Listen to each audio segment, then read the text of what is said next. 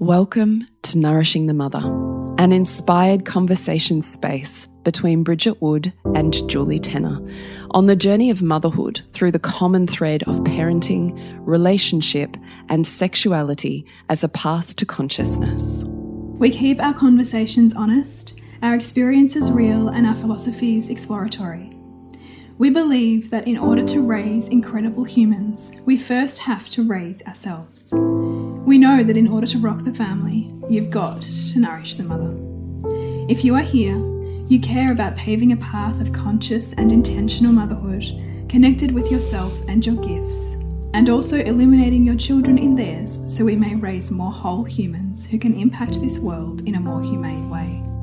If you desire to integrate your learnings practically and supportively, head on over to bridgetwood.life or julietenner.love to go deeper. And for all live streamed, pre release podcasts and all our free content, head over to our free Facebook group, Nourishing the Mother with Bridget Wood and Julie Tenner. We are Julie Tenner and Bridget Wood, and we are so grateful you're here. Hello, and welcome to Nourishing the Mother. I'm Bridget Wood. And I'm Julie Tenner. And today's podcast comes in response to the podcast we did a couple of weeks ago on my 40th and the transition into my 40s. And this one is in a slightly extended conversation as a beautiful listener wrote into us and just shared parts of her experience and what she'd love us to dive a little bit deeper on, which of course we loved. We've both got pages of notes. So that is what we love. We love knowing when we've sent something out into the ether that it's had a ripple, it's affected you in some way, it's opened you up, it's touched your heart, it's hit a chord. You know, I mean, that is just so wonderful for us to receive because mostly we have no idea. Yeah. Yeah. Until someone reaches out and go, hey, Hey, yeah, it is. Yeah. Yeah. So we're super grateful to this beautiful listener. Do you want to give us a summation of that email? I might read it. Are we cool okay. with that? I'm cool with that. All right. We have not identified this listener, so I'm sure they don't mind if we read it out loud. After hearing Julie speak about her 40th and the body image things she wasn't taking with her as she crossed this threshold, I'm wondering if you and Julie would be open to riffing on the podcast about body image and how you've navigated this over the years, and intimacy in relationship and the tools you have both used to make intimacy a priority with multiple kids. This podcast rang true for me as I am in the three years before my 40th. So am I. And I have done so much work on body image and acceptance, but since having baby number three nearly six months ago, old conditioning and ideas of what I should look like have resurfaced. And I know this is something I want to work on before I enter my 40s. Mm. That's, yeah, that's it. Mm. Mm. And and she, she goes on to say, you know, how did you consciously create it? You know when you know when we had our our thirds and fourths you know when you have more children and it there's just more more pressure there's more responsibility there's you know more exhaustion how did you actually create um, that as a priority yeah. So I can see maybe there's a couple of ways that we need to almost kind of like split this conversation into. Mm. One is obviously the body conversation, yeah. and body image and nakedness mm -hmm. and mm-hmm. sharing of your body with another. And one is intimacy in the throes of intensive parenting. Yeah. Beautiful. Let's do that. two forks. Mm -hmm. Where would you like to start, Bridgie? Oh, body image. I think it's, mm -hmm. it's it's important. I think with body image to recognize how externally created our body images. Oh, yeah. In terms of, you know, every reflection that we see of a beautiful woman in our media, in our culture, is largely airbrushed, doesn't have skin imperfections, mm. doesn't, you know, have struggles, right? Really, yeah. Like in terms of what we see culturally represented, yeah. it is just like it, it's it's it's an illusion, right? So what we so we have that we're looking at all of the time. And then what we also have is the reality that having children tends to co and raising children tends to coincide with key shifts in our aging process. Because once you hit your kind of mid to late 30s, your skin elasticity changes. Yeah, you know, like that's significant. You're, you know, potentially not moving weight the way you might have moved weight off your body. Yeah. Everything, you're probably feeling more achy. Like there's just things don't quite look and feel the way that they felt in your mid 20s. Yeah. And what happens is we then compare ourselves to our pre kid body, which was also a much younger body. Mm. So not only are we comparing ourselves to this internalized body image from everything that we look at around us, we're also comparing ourselves to our much younger self, which also had very different responsibilities yeah. and yeah. all of this stuff. Yeah. So I don't think you can talk about body image without also having a context for it. Like Oh, yeah. I mean, gosh, I think you and I are just going to be gushing over this entire conversation because you and I both feel those particularly media based narratives mm. as so deeply damaging to the psyche of so many. Yeah. And particularly as we're raising humans, as we move ourselves through the evolution of children and aging and everything that comes with that. And particularly in the advent of social media too, right? Like and, and, and your children too who are going to bring up all your stuff. Yeah. Yes. So true. Who are going to bring up all your stuff. And, and, and who are also, you know, as they stretch into this internalized, you know, and stretch into this world where they're seeing body image reflected to them. Yeah. They're then, you know, seeing like my five year olds, like she said the other day, oh, like when I turn six, will my skin get darker? Mm. Excuse me. Based on filters and whatnot that she sees. More like she's now noticing she has really pale skin and she has to care for it in ways that she doesn't see her brother need to care for his skin. She doesn't mm. see her best friend need to care for her skin. And it feels like a burden. And it feels like something that part of her wants to change. And she's five, right? Mm. So that's happening at five. We're in our mid 30s, 40s. How many years have we had? Mm. Right? So no wonder it's so internalized. Yeah. Yes. And I just love there's that Instagram, I think it says it Danae Mercer, and I love how she just does all, all the time these reels on online is curated. And so she like does the reels on all of the hacks and all of the filters. And I just I actually love dipping into her feed because I just think, oh, it's such a wonderful reminder. Reality check. And right, I'm just a curation. and I'm a sucker for a filter too, because I'm like, oh, I like how my skin looks in that filter. like, I like that. I like that tone. yeah, yeah, yeah. I get it. I love a filter too. Yeah. But as long as it doesn't then it's something it's a tool for you to play with. Yes, not like something that you need. Right. Exactly. Yeah. Exactly. I also think it's really worth remembering, as we remember all of the time in all of my spaces, that our version of body image and what is beautiful is completely learned we what is beautiful has changed over every single decade over every single century over different cultures and countries the ideal beauty or the form of what is most beholden as most beautiful a representation of most beautiful has changed continuously, which says to you there is no one ideal. It's what fits culture and narrative of that particular era, time, culture, place, so on and so forth. So we have to recognize that to begin with. So, right now, then what the idealized beauty is doesn't mean that is only this narrowly defined, you fit this and you're beautiful and nothing else is, mm. versus the feminine that goes, beauty is on an infinite spectrum. Like, there's nothing you can't find beauty in. Yeah. Right?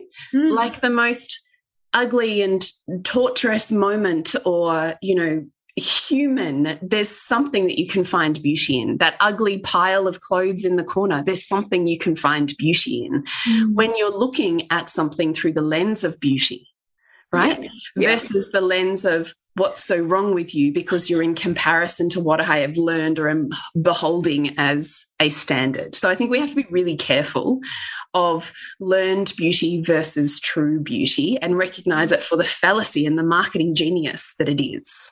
Yeah, and largely decided by a, you know like a handful of people, likely men in suits in some kind of ivory tower. Right, the male gaze. Yeah, like, I mean, let's just take a minute to think about the male gaze and how that is curated versions of woman through mm. even the eyes of women now.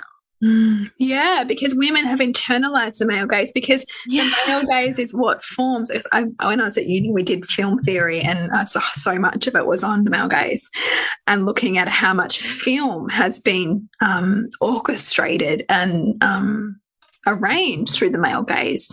And so then we watch that, and of course, art enters our subconscious, which then becomes narrative that we take on and then throw out into the world and bring back to ourselves, right? Yeah, right. Lasso.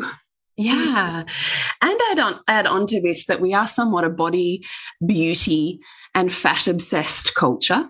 Yeah. And we seem to perceive that it's okay to comment on other people's bodies mm. and the mm. differences in bodies. Mm. Let me just give you an example, Bridgie, while I'm here. Shall I give you one from just sure. yesterday? I can I can see it coming, so let's bring it. so I went and got a coffee from um, our local shopping centre, and I love this coffee. And I walked up as a different barista, and I walk up and I'm with Nick, and um, this guy turns around and he goes, whoa, you guys are so tall. I'm having that out of body moment because this happens so much in my life where I have this moment where I'm like, you know, 15, 20 years ago, that would have crushed me. Mm. Like that would have sent me into a spiral of self hatred for all of the ways that I didn't fit the beautiful, petite, tiny little woman mm. because I was everything but. Mm. And so that would have sent me on a spiral in this comparison that was continuously the fact that, you know, it's okay to say that. Is it? To mm. comment on someone else's body? Mm. And so I've learned how to hold myself in that. So I just regulate and I smile. I said, yeah. What else is there to say? yes, we there's, are. There's nothing else to say to that. no, you're like really tall. Oh, did he keep going? Yeah. No, this continues, Bridget. Oh, God. Yeah. We are. I just want to order. I'm thinking in my head, I just want to order a fucking coffee. He goes, Whoa, what are you like? Six six? and at this point, I'm thinking, oh, for God's sake. I was I'm six one. And he goes, No, no, you're not. You're not six one. And I said, no. going, Yeah, I am. He goes, No, no, you're not. You're like way taller than me. And I looked at him in the end. I threw my hands up. I went, I don't know what you want from me. I don't know what I can tell you. I'm six one. I'm not sure what else there is to say to you. He's six six. Oh, I don't know. Like, what do you want? Yeah. and then he just kind of like composed himself. Uh, you know, what, what would you like? so I was thinking, what the fuck? what the fuck? Because I wouldn't walk up to you and, and you know, go, Oh my God, you're so short. Yeah, you're so fat. What size are you? No, yeah. you're not. No, you're not. You're clearly bigger. Oh my God, look how big your boobs are. What size are they? No, they're not. They're clearly bigger. Like, what the fuck? But yet, but yet, I think tall. There seems to be like you know a, a, a feeling that like tall, calling someone tall is not an insult like you know, that's that's potentially people's general narrative but for you like it comes from a whole history and story of feeling incredibly insulting. Yeah. Yeah, yeah, yeah, yeah, totally. So it just, though, reminds me constantly of the freedom that we all perceive we have mm. to comment on someone else's physiology in whatever form that is. Yeah, yeah. We do not have a right to comment on anybody else's body, full mm. stop, the mm. end. But it's amazing how internalized that is, too. Like it's right. just this is what like, I'm saying. Yeah. It, it is. And I mean the amount of time that people will say, Oh, you look great when they kind of when it kind of often means you've lost weight or yeah. something, right? Like you know what that what that'll mean. There's there's something behind that. They might not actually say that, but that's what the meaning is, and that is again the internalized um, measures of what is beauty or what is deemed acceptable, right? Or, you know, socially celebrated by diet culture, for example, which many people have internalized because it's been around for what, 40 years or something. Yeah, totally. Totally. So, what I want to say here, though, is that I think it's probably worth you and I talking about um, maybe the experiences that we ourselves have moved through with body image because it's certainly not been effortless no. for either of us. Mm. So I think maybe it is worth looking at that. And I was really sitting with this listener's email and just really feeling into myself in her story, mm. and particularly the self within me that struggled, particularly more so with babies one and two. I think I'd done enough work and had more tools and ways of being and belonging by baby three and four that that was more easeful. But I can certainly picture being exactly where she was at babies one and two for me. And I remember having a huge epiphany when it came to that self flagellation or that speaking negatively towards myself and my body mm. was that I was almost doing this yo yo between um, hating, saying disgusting things to my body, the continuous taking of it down, and then this also feeling like that was so hard and wrong and didn't want to be there to that I'm to its exact opposite. You know, it, no, I'm amazing.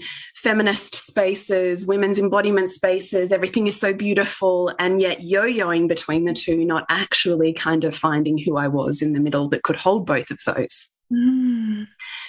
And I remember really clearly having this epiphany and this drop in moment where it just kind of made sense to me when I realized I was so in for body worship and goddess worship and feminine worship. And if I was the living embodiment of the greater her, then this body then becomes something that's sacred. Mm. And I realized that I couldn't consecrate what is sacred over and over and ritualize it every day and pray to it and with it and for it and all of the things while also desecrating it. Because you cannot desecrate and consecrate in the same moment or in the same, like, you can't. Yeah. So You're I'm always choosing one or the other. Yeah. Yeah. Am I desecrating this sacred space or am I consecrating this sacred space? Because I can't do both. Mm so when that really dropped in for me, I remembered really having this switch of like, so what is my commitment to my body then? Mm. I know where I've come from. I know the beliefs, I know the paradigms, I know the nasty things that are in my head and my belief system. Like I know, mm. but I can also choose, it's my mind. I can choose what I carry forwards and what my commitment is to allowing and not allowing certain thoughts to enter. Mm. Because mm. we still have power over that. Yeah, yeah, absolutely. So, what I wanted you to sink into for this listener and for any of us who are traversing this is what benefits are you getting from speaking negatively to your body or about your body? Because mm. you better believe it, you're getting benefits. Mm. And I was thinking about the benefits that I had gotten when I was doing that on repeat and I wrote a few of them down. So I thought it was worth sharing. That when I spoke negatively about my own body, it was a way internally for myself to justify my shy away or turn away from intimacy. Hmm. So I didn't have to enter intimacy or awkwardness or be with all of the pent up stuff between Nick and I or in my own body because, you know, I was just so shit in my body and so ugly and unattractive and all of the things that I just like, I could justify why I wouldn't even go there. Right. But that's a benefit. For me as a mum, that's a benefit when I'm not also putting pressure on myself to look, to know, to feel, to move through. Like I'm not also doing that. It's a huge benefit. Women will bond over talking negatively about their bodies. Yeah. So it could become a playground for bonding with girlfriends and strengthening those relationships. Mm. That in some perverse way, it allowed me to focus on my health through punishment. Yeah. Some I remember some of my friends used to call it willpower. Like I had so much willpower.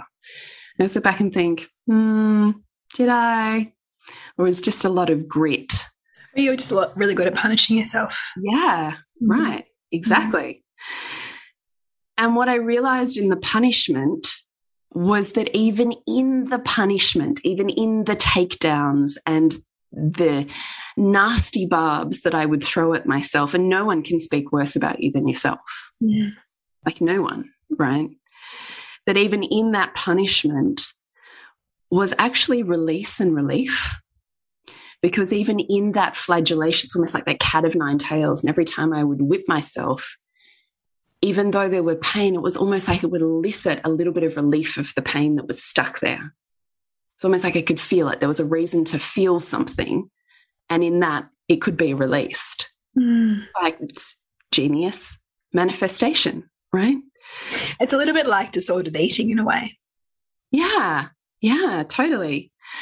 And I could see that as a way of obsessing on my body, that it stopped me from focusing on what didn't feel right in my life or in my relationship.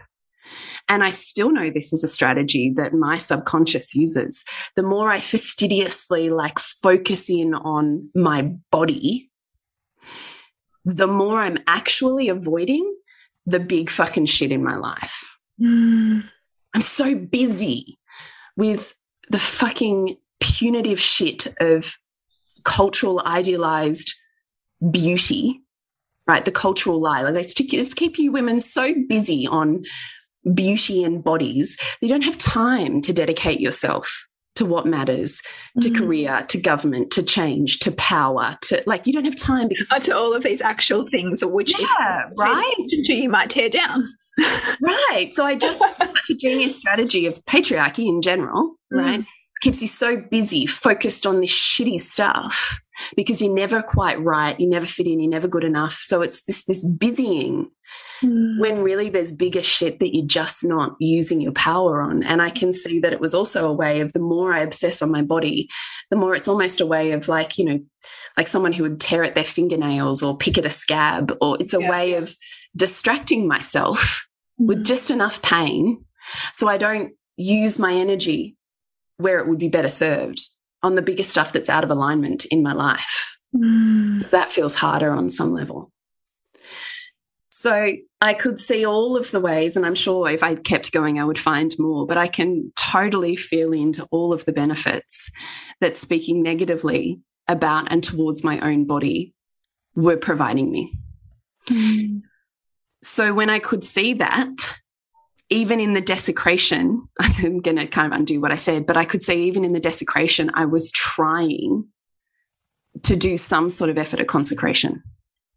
Yeah. Wasn't particularly deep, but I was trying. Mm. So I could love myself enough for that. I didn't need to judge myself. I didn't need to be more punishment on top of punishment, you know? Mm. I could see the strategies, I guess is what I'm saying. So I could love myself in those. And I could ask myself, how can I how can I give myself these things without needing to take myself down in the process to do it? How can I bond with my girlfriends that doesn't have to do with a shared experience of body negativity? Mm. How could I be with the feelings that are pent up in my body so I don't need to enter pain through punishment to enter them? Mm when I'm obsessing, because I see that as a sign to look, to overview, to reconcile my life, because something's not right and my intuition's trying to come through and I'm trying to silence it? Can I use it as a form of empowerment and reconciliation to direct my energy where it's best spent? And instead of using it as a reason why I can't have pleasure, intimacy, be seen naked, be fully open and ecstatic, because you cannot be controlled and ecstatic. They are literally a juxtaposition. Like you, you yeah. can't. You can't be controlled and have ecstasy. Mm. It, they're two. They're, they're two like opposite sides of. Yeah. Yeah. So instead of using it as the reason why I don't want to enter intimacy, I got do you know, for a couple of years, my practice was awkwardness. Mm. Is I would follow the awkwardness. Where I felt awkwardness, I would go. That the more I followed the awkwardness, the more I could see where I had put my own self sabotage and glass ceilings on myself. So by following the awkwardness and the thing that I really wanted to shy away from and would have a thousand reasons and excuses that I could justify mentally to explain it all away, you know, how we are so good at doing that. Mm. My practice was literally to my awkwardness. Okay, come on, Julie, big girl pants on because the more awkward moments you have, the less you have. I love that. I remember when you when you were saying that. Yeah, do you remember that? It was a couple of years where I was like really invested in that statement. The more mm. awkward moments, the less you have. So instead of doing that step back from awkward intimacy, I learned how to hold myself in awkward intimacy. Mm. And the amazing thing to That's me, so potent, right? And the amazing thing to me still is when I follow the awkwardness, it always leads me to ecstasy. Mm, because there's more expansion on the other side of awkwardness. Because yeah. you've gone to a place we haven't been before. Yeah. Usually you just, you know, avoid it. Yeah. And the thing with intimacy is, unfortunately, the longer we leave it, the more awkward it gets. Yeah. Because you've like, there's so much more like time and stuff, stuff under the bridge. Yeah. Yeah. Yeah. This podcast is brought to you by Honey Club and Reimagining Motherhood. Your spaces for intimacy and feminine embodiment, and conscious parenting and inspiring motherhood. Come join us at julietenner.love and bridgetwood.life. What about you? So I've just done a huge riff on my journey. What was yours?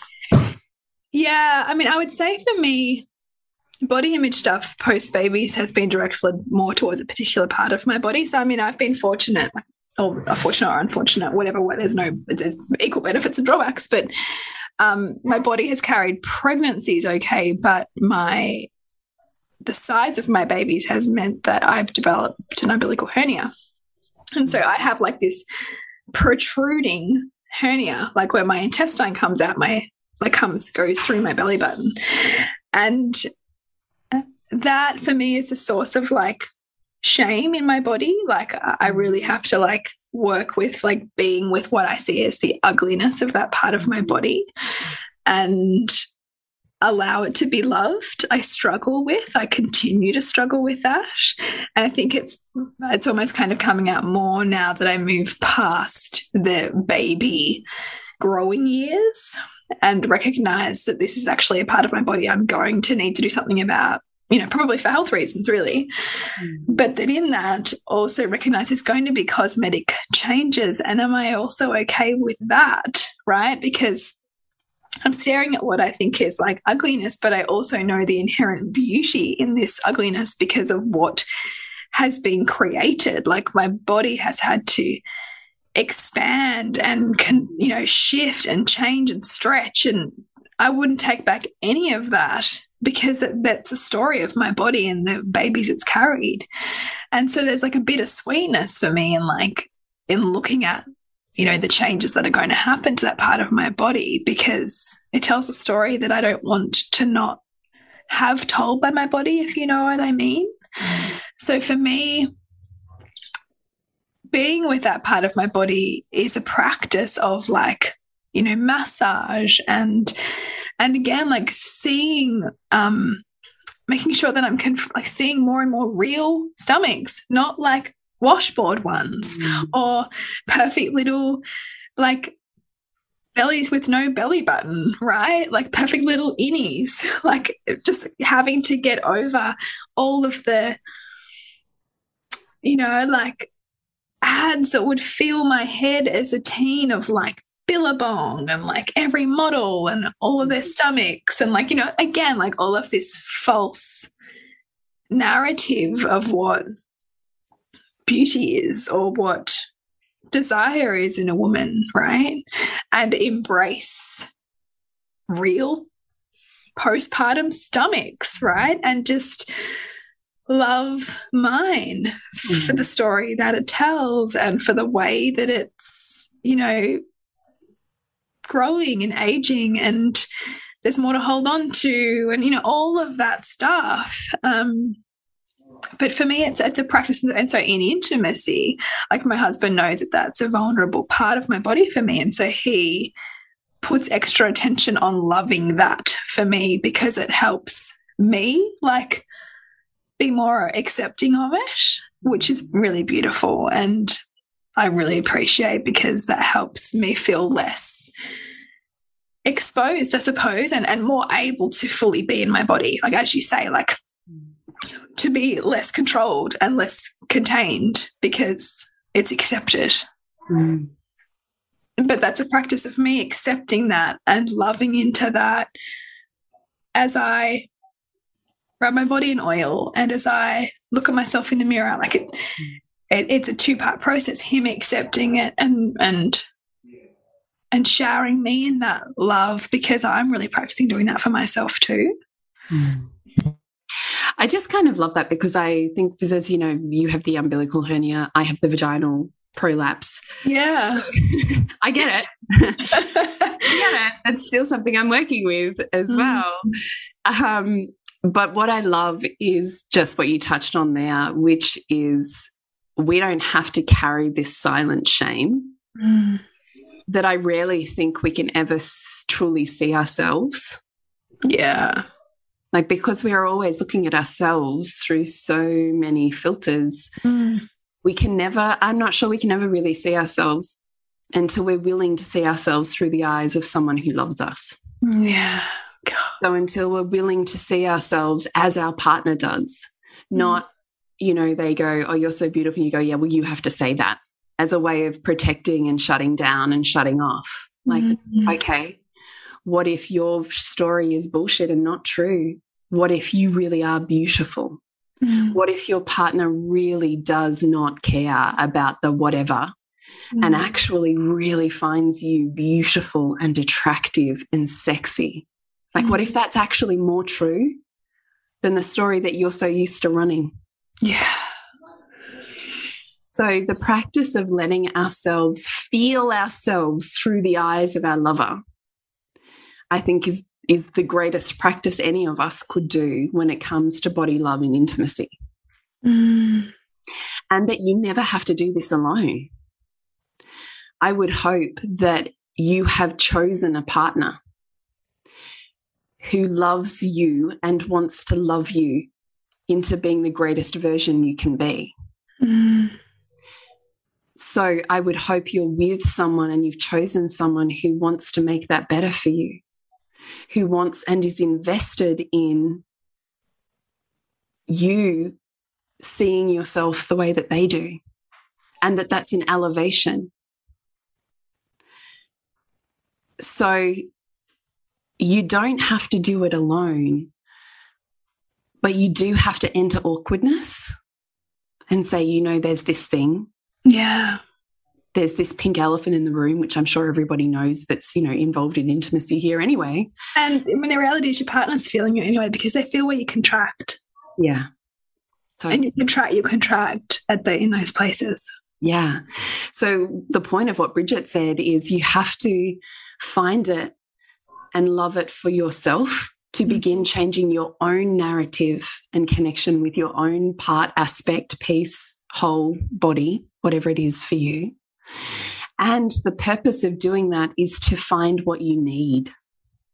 Mm. You can't say to your partner, I need you to make me feel better when you're not invested in changing your own narrative and making yourself feel better. Yeah.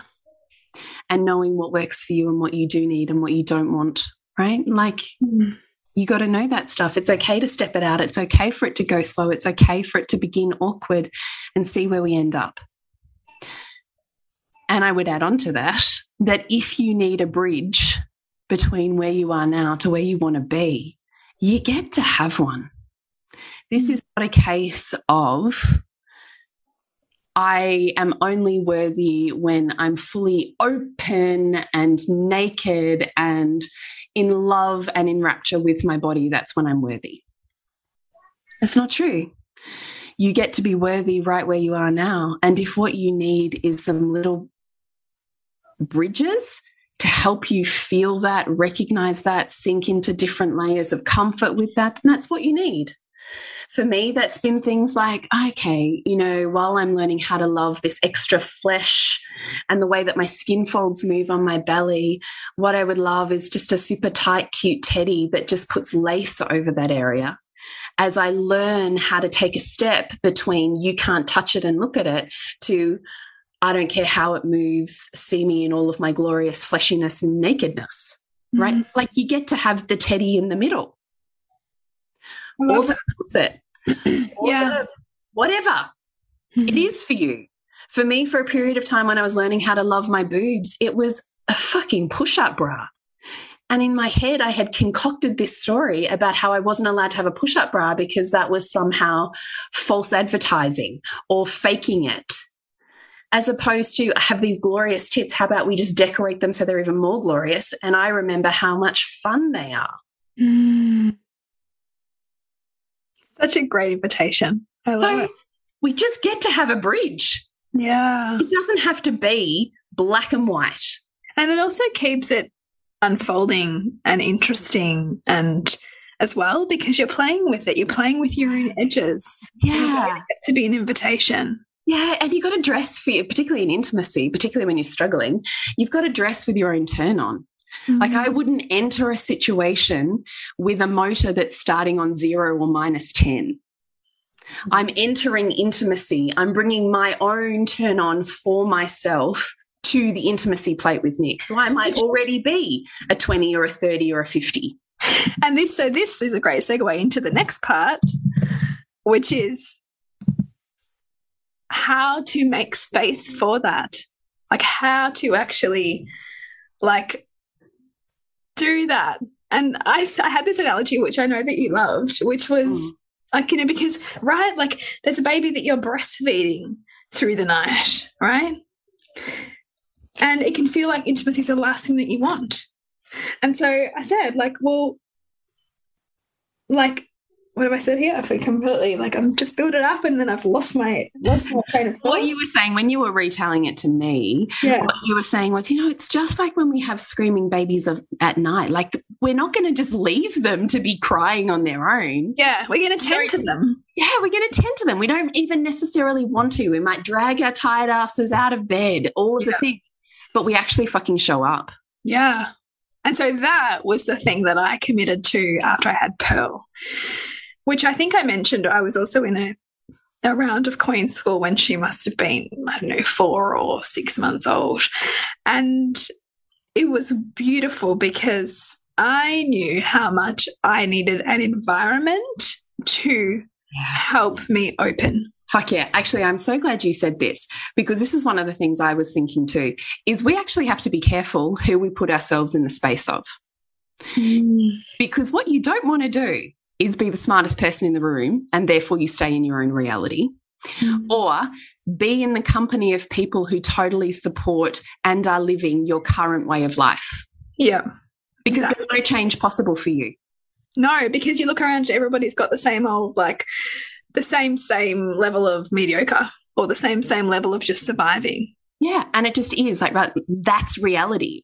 Yeah. That's That, but, yeah that you know postpartum is a time when you just have to shove your relationship to the side. And i i actually see this a lot on social media like a lot of like legitimizing the i don't have time for you kind of narrative mm. um, of early of motherhood with young children. And i get it and it also kind of breaks my heart because i think our men and our partners male or female want ways in and often don't know ways in Mm. But if we're talking about intimacy, in the case of, you know, what I needed, because remember, you've got so many of your oxytocin needs met mm. by your baby, right? Like breastfeeding is filling you up. So in your body, you might not feel at all like intimacy, like more touch. Mm. That's why you need your environment to do a lot of work for you to help you desire that. And so one night I remember like Marcus had I'd come out from feeding Pearl and he had like set up our lounge room. Like he'd made, like he'd put cushions off the couch, he'd like cover them in like soft mink blankets, he'd put like candles all around, he'd put music on, like he'd just set it all up. And so I was like, first of all, like swooning by the like when I walked out and saw it. And particularly when we were kind of relearning my body then, and like he had a bit of PTSD from seeing Pearl be born. So we had to, you know, like reorient to each other in intimacy again. And So he would give me a massage before, like, kind of anything else.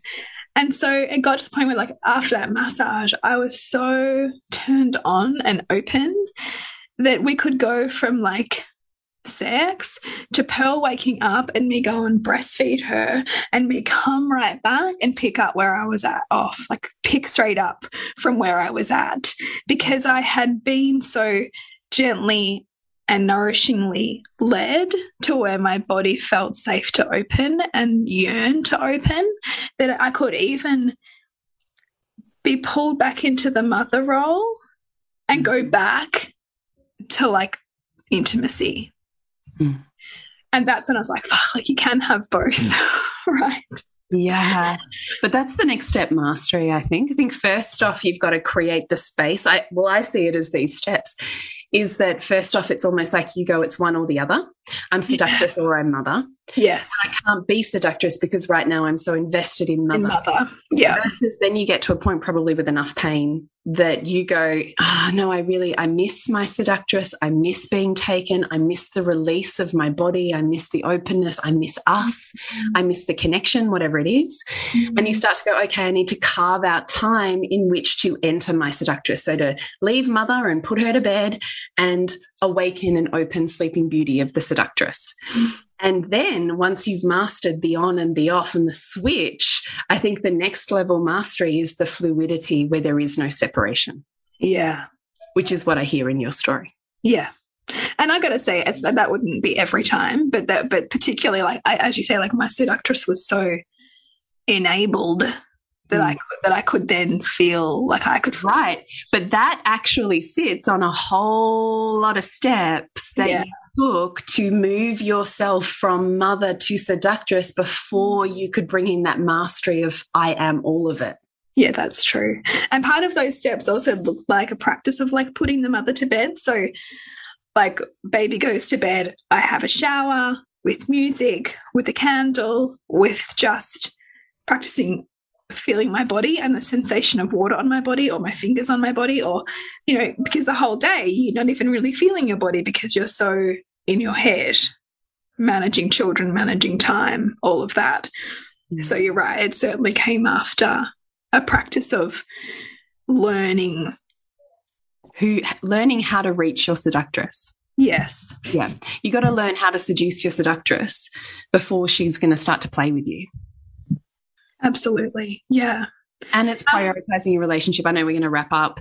And I will just say back on that is that is the point in staying in containers that keep you fresh because or else all of us if we stay where we're at and we never change we are the result of the five people or the status quo that we spend the most time with so if you want a different reality then you better go put yourself in the space of people who are living a different reality so they say to you hey babes that's not true yeah. And whoever you're around rubs off on you. Like, of course, 100% Julie rubs off on me. Of course, 100% I rub off on her. So, areas where we're each empowered, we're going to each influence each other. Yeah. And so, it's wise to ask yourself then, what are the gaps for me? And who can I put around me to take me where I want to go? Right. Because you don't have to do this alone. Mm -hmm. Exactly. So, a beautiful segue from that, Julie, is what can women learn about this in Honey Club? So in Honey Club, you're with me for three, the first three weeks of every month, and we move through a life, love, and lover reconciliation process.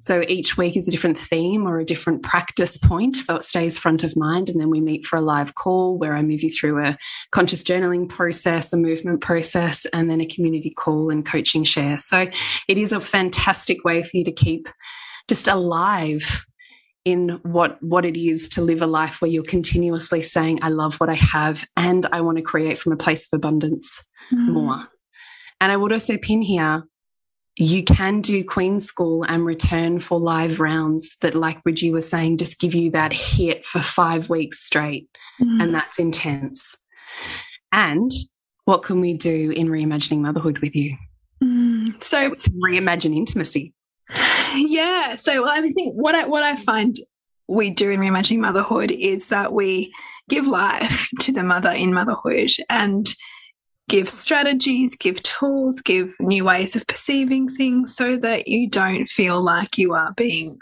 run into the ground or negating yourself in your motherhood, where there's no time for anything but your servitude or your work, or that, you know, that there's a really a place for you in your motherhood and empowering whatever that looks like for you. If it's a season where you want to deepen your intimacy, or if you're in a relationship stuck place, then let's pull that apart a little.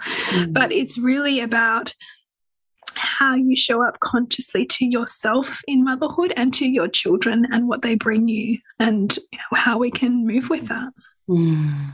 You can find out more at bridgetwood.life and julietenner.love. And as always, we love your comments, we love your questions, we love your feedback. Like this beautiful listener, we really hope that you got a thing or two out of this that takes you just that next step on your journey, because that is absolutely our mission and purpose of this podcast. Mm. So you can always reach out to us at nourishingthemother.com.au, Nourishing the Mother on Facebook and Instagram. Remember to nourish the woman to rock the family. And we'll see you next week when we continue to peel back the layers on your mothering journey. Thank you so much for listening. We literally couldn't do this without you. Please share this podcast with anyone you think it would be medicine for. If you desire to integrate your learnings practically and supportively into your life, then head on over to bridgetwood.life or julietenner.love to go deeper. And if you feel like giving back a little to this free content, please rate us on iTunes or Facebook all of which helps the podcast reach more mamas who need this type of tonic for the soul.